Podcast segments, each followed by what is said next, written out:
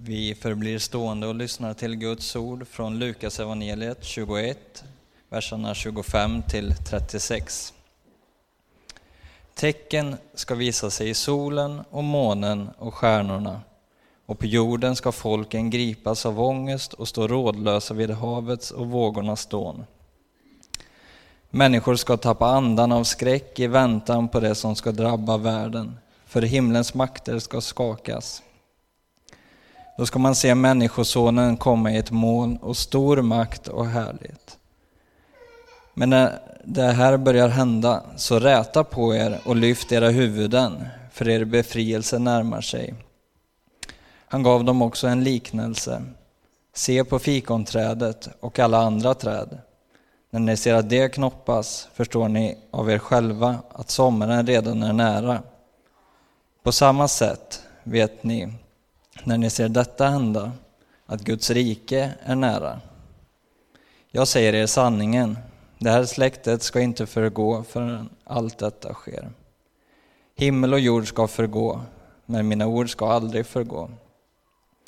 Men akta er för att tynga era hjärtan med festande, rus och livets bekymmer så att den dagen plötsligt drabbar er som en snara.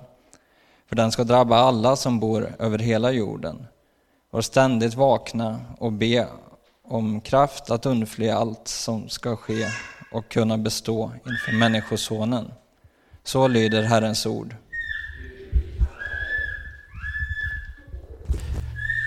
Varsågod och sitt.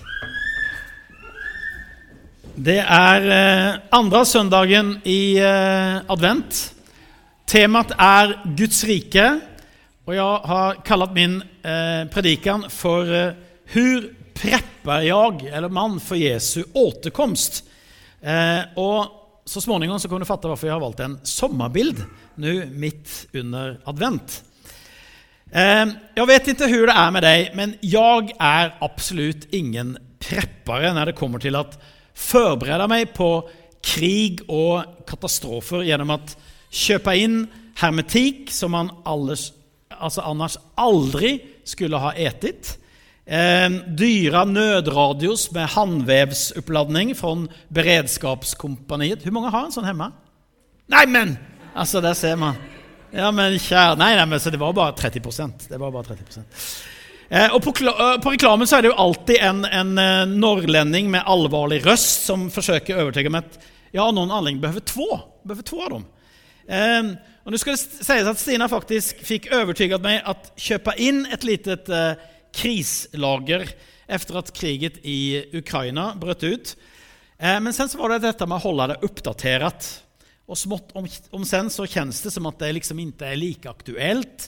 Så nå behøver vi snart bjuda alle på liksom eldorado tunfiskparty med søtsur sås fra Uncle Bens. Det kan bli fantastiskt. Eh, varför tala om eh, dette andre advent, frågar du kanskje. Derfor at det er precis hva advent handler om. at lære seg å bli bra på å preppe. Vi tenker jo på det som en tid av ventan, og visst er ventan en del av det. Men det er aktiv ventan. Det er en tid av ventan der det blir avgjørende hva du gjør i väntetiden. Och jeg har analysert nu min egen ovilje mot å preppe. Og jeg har kommet fram til at det er två saker som gjør at jeg er dårlig på det. Det ene er usikkerheten på hva jeg faktisk kommer behøve. Hur vet beredskapskompaniet hva jeg behøver, eller kriseinformasjonen. De har jo ingen aning om det er en ny luftbåren pandemi som kommer, eller AI-roboter som kommer å ta over världen. Och overdriver kanskje lite, men det kjennes helt enkelt umulig å preppe for alle scenarion. Så det blir litt falsk trygghet, så derfor så prepper jeg heller for inget. Det andre er oviljan att använda resurser på sånt som jag inte vet om jag kommer behöva använda. Det vore ju roligt för våra barn att ärva något annat än hermetik och vattendunkar, eller hur? Sen är det mycket roligere att köpa den nyaste iPhone än den senaste handvävsradion, det får jag väl också erkänna. Och jag tänker att just oviljan mot att förbereda oss för att det kommer en kris är en av orsakerna till att Jesu profetior om den sista tiden inte är på topplistan av vad man väljer predika om. Men just derfor är det väldigt bra att följa kyrkoåret, att predika från bibelbøker, så man får med seg hele Bibelns budskap, även svårsmelta tekster som denne som vi precis leste fra Lukas evangeliet. Og Det jeg opptekker i denne teksten, og som vi skal återkomme til, er at Jesu krisinformation er annorlunda enn våre myndigheters og even treffer en som meg på et sett så jeg kjenner at jag vill lyssna till vad han har att säga. Låt oss helt enkelt titta på textens olika avsnitt och det börjar som ni redan eller precis hörde ganska dramatiskt. Tecken ska visa sig i solen och månen och stjärnorna och på jorden ska folken gripas av ångest och stå rådlösa vid havets och vågornas dån. Människor ska tappa andarnas skräck i väntan på det som ska drabba världen, för himlens makter ska skakas. Då skal man se Menneskesonen komme i et mål med stor makt og herlighet. Det låter jo som trailen til en ny apokalyptisk film fra Hollywood.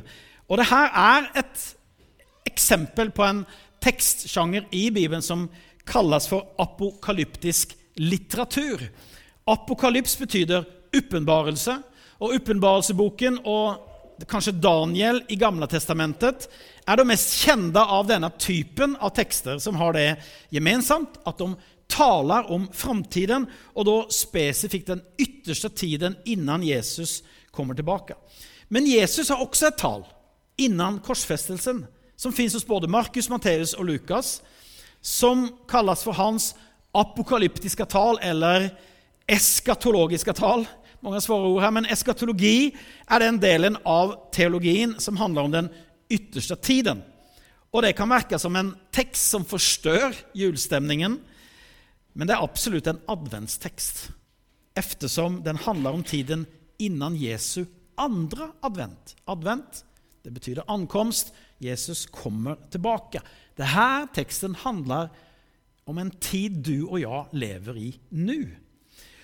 Och Det är inte att komma ifrån att det börjar skrämmande med tecken som ska seg på himlen och folk som ska gripas av ångest och stå rådlösa vid havets och vågornas dån. Och I de andra evangelierna så talar Jesus även om krigslarm, stora jordbävningar, hungersnöd och farsotter på den ena orten efter den andra. Och nu växte jag upp med predikanter som åkte omkring. Du tänker, vilken värld levde du i? Men med store plansjer som tekte hele scenen med noen liksom utreknede tidpunkter for når alt skulle hende. Og man liksom, kom på møte var kanskje 10-12 år og så de her. Det var jo riktig, riktig multimedia-upplevelse på den tiden. Til eksempel står det om djuret i åpenbarelseboken at det har tio horn og det tolka man som at EU består av tio nasjoner. Og det gjorde det just då. Och Derfor er EU antikrist. Sen så ble Sverige med. Forstør det alt, liksom. Og, og, andre nasjoner også. Så plansjene ble inaktuelle, og de var dyre, så det kanskje ikke var så merkelig at den typen av forkunnelse fasades ut. Et annet eksempel er boken 88 Reasons Why Jesus uh, Comes Back in 1988 som ble en bestselgere. Men oppfølgeren har jeg hørt ikke gjorde det like bra. For han forsøkte seg faktisk på 89 Reasons, men, eh, 1989, men den ble ikke så bra. Og Det tråkige med overdrifter er at man kaster barnet ut med badvattnet. Og altfor lenge så har det kanskje i våre sammenheng vært tyst kring undervisningen om Jesu återkomst derfor at man, har, man missade liksom poengen. Man forsøkte å regne ut hvilken tid han kommer tilbake, og forsøkte å liksom få siste rapportsendingen om krig og jordbevninger å passa inn med bibeltekstene. Men det er ikke tanken med disse texter. Tanken er oss at for oss at preppa på rett sett Bibelen anvender bilden av en kvinne som skal føde. Det fins veldig mye kunnskap om det i denne forsamlingen. Innan fødselen så kommer forlossningsverka mer og mer regelbundet og even med kortere intervaller. Det er ingen som kan si helt sikkert når barnet kommer, men noe hender når verken börjar. Vi preppar da for BB og det er mange saker som ikke liksom kjennes så viktig lenger. Litt så er det med Jesu återkomst. Krisehendelsene på jorden kommer komme som en kvinnas verken og påminner oss om at jorden skal fødes på nytt. men gjennom smerte. Men hva hender med verken? De slutter, innan de börjar igen.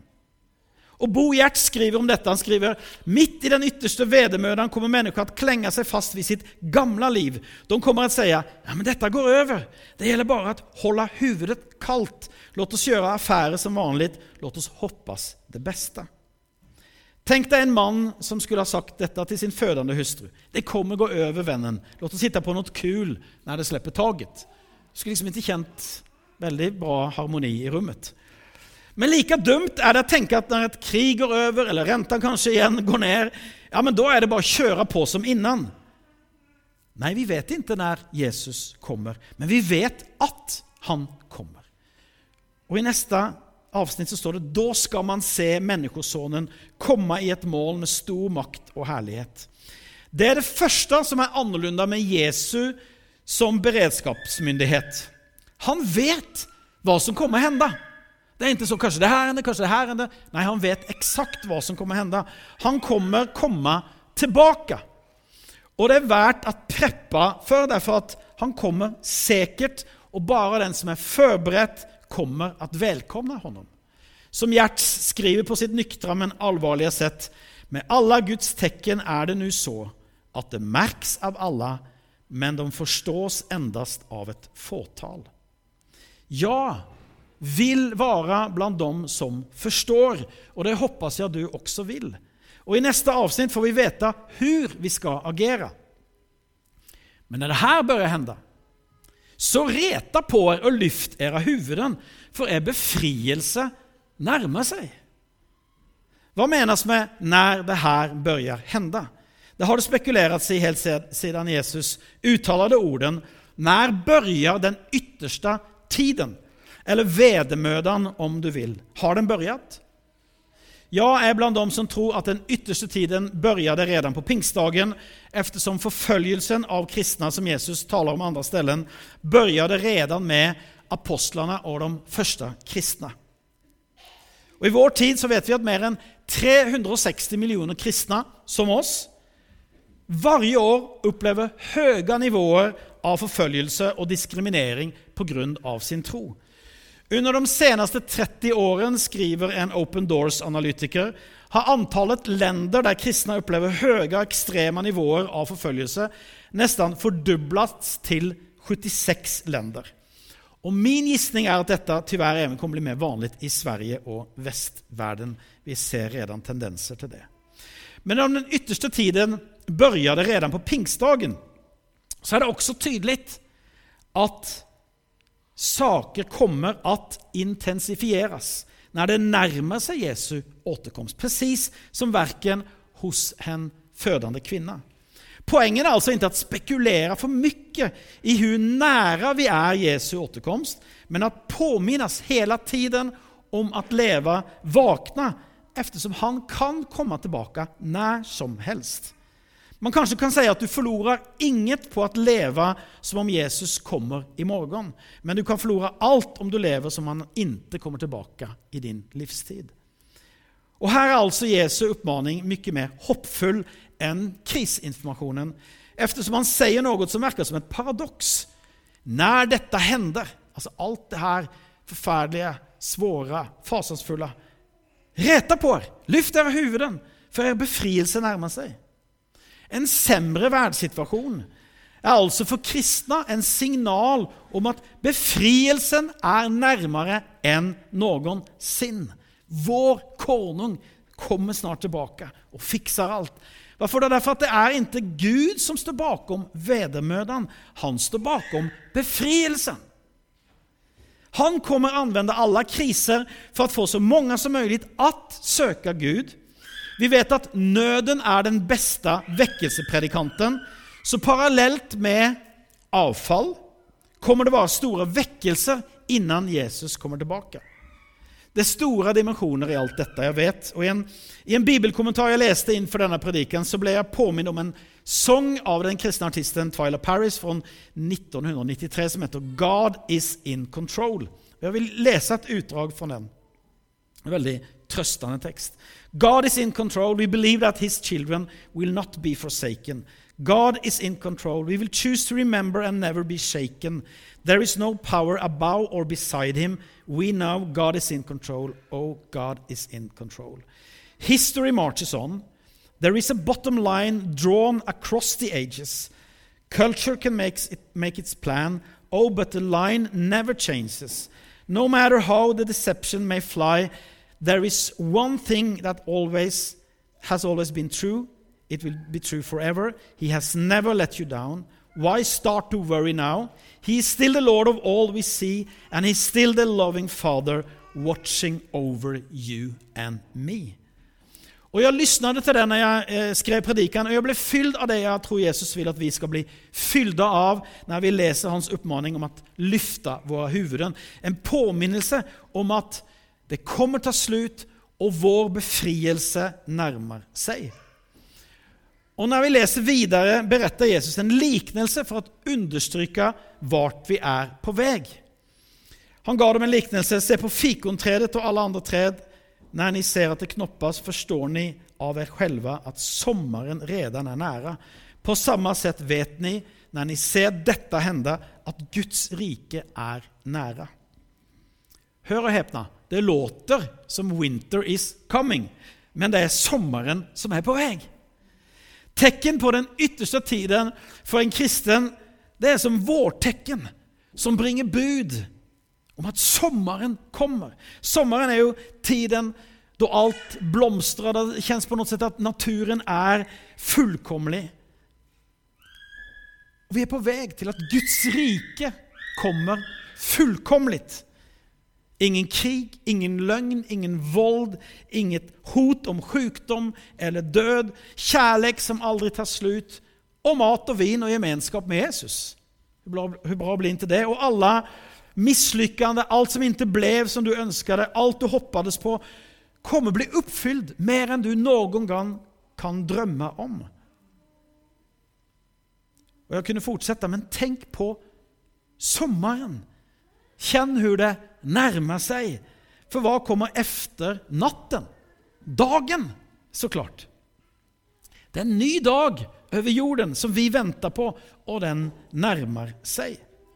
Sen kommer det en av de mest svårtolkade, svårtolkade meningar i Lukas evangeliet. Jag säger er sanningen, det här släktet ska inte förgå förrän allt detta sker. Himmel og jord skal forgå, men mina ord skal aldri förgå. Och hva mener Jesus med det her? Slektet. Om du løser det så får du Nobelprisen i teologi. Tyvärr finns inte den, den borde finnas. Eh, det kan inte vara dem han talade till eftersom de då fortfarande skulle ha levt. Och Jag ska inte ta med dig in i alla liksom alternativen som finns, men de flesta bibeltolkare verkar luta åt att det släktet som upplever den sista delen av vedermödan som Jesus beskriver her, og som ingen av oss kan vite precis nær hender, også kommer oppleve hans återkomst. Det kommer altså gå mye snabbt mot slutet, kan vi trolig tolke av dette. Men igjen får vi veta hvordan vi skal agere. Himmel og jord skal forgå, men mine ord skal aldri forgå. Det kommer altså være en sak som er sikker å investere i og det är Jesu ord. Att läsa dem, tänka på dem, leva efter dem vill vara det smartaste och det klokaste man kan göra från och med nu och tills Jesus kommer tillbaka. Inte jättesvårt att förstå, men ibland svårt att leva efter, för det är så mycket som vill dra oss bort från det här. Och Det står ingenting at det her gjelder bare pastorer, men det verker gjelde alle lærjunger, alle som vil følge Jesus. Og Til sist kommer en varning som står i kontrast til at bygge sitt liv på Guds ord. Akta deg for tynga era hjärtan med festende rus og livets bekymmer, så at den dagen plutselig drabbar er som en snara, for den skal drabba alle som bor over hele jorden. Var stendig vakna og be om kraft att unnfly alt som skal skje, og kunne bestå innenfor Människosonen. Festande rus og livets bekymmer hører altså ikke i ihop med å forberede seg på Jesu andre advent. Hvorfor? Derfor at det er sånn som enligt liknelsen om såningsmannen kvever ordet i våre hjerter. Om livets bekymmer, rikedom og njutninger er det som driver meg, så kommer ordet aldri at bære mogen frukt, sier Jesus. Alt det der fins som en kamp i våre liv, men vi kan velge noe. Vi kan ta et konkret valg. At velge at ordet skal få bli det som får bære frukt i våre liv. Det blir litt som å skrive en prepperliste om alt som burde forberedes. Og så tenker man nå har jeg gjort det. Men så ble det bare med listene. Det blir som at høre Guds ord, tykke om det, men ganske snabbt leve som om det er denne verden som gjelder enda. Men om dette budskapet vekker oss, så kommer det lede til at vi blir vakna. Altså at vi f.eks. holder med når noen sier 'Jesus kommer snart'. Ja, jeg fatter hva du mener. Jeg venter også, og jeg kjenner doften av sommer midt i alt elende. Og du ber om kraften at leve nær Jesus. Og din lengtan er at kunne bestå innenfor menneskesonen. Og Det låter som en test, og det er det faktisk også. Men testet handler ikke om at leve perfekt, men at fortsette å leve i tro. Lite på Guds ord. Vi blir ikke frelst av gjerninger, men av tro. Og Det er derfor fienden vil kveve din tro og få deg slutte å tro og lite på Gud og Hans ord. Og Den som lever i tro på Jesu återkomst, kommer å ha andre gjerninger enn den som ikke gjør det. Det kommer til å bli mer og mer tydelig hvem som lever for denne tiden, altså bare denne tiden. Klart vi skal leve i denne verden. Og hvem som lever for evigheten, lever som om himmelen fins. At det står 'den dagen', det påminner oss om at uansett hvor lang eller kort tid det er til Jesu återkomst, så kommer det hende på en dag i vår historie. En helt vanlig dag. Som Jonas Nordén sa når han var her. Kanskje en helt vanlig onsdag. Så det var liksom inget, inget særskilt på kalenderen. Precis som Jesus ble født på en dag i vår historie, kommer Jesus komme tilbake på en dag i vår historie. Og Den dagen kommer overraskende for alle som ikke er forberedt. Men for oss som elsker Jesus, kommer den som den første dagen på en evig sommer. Amen.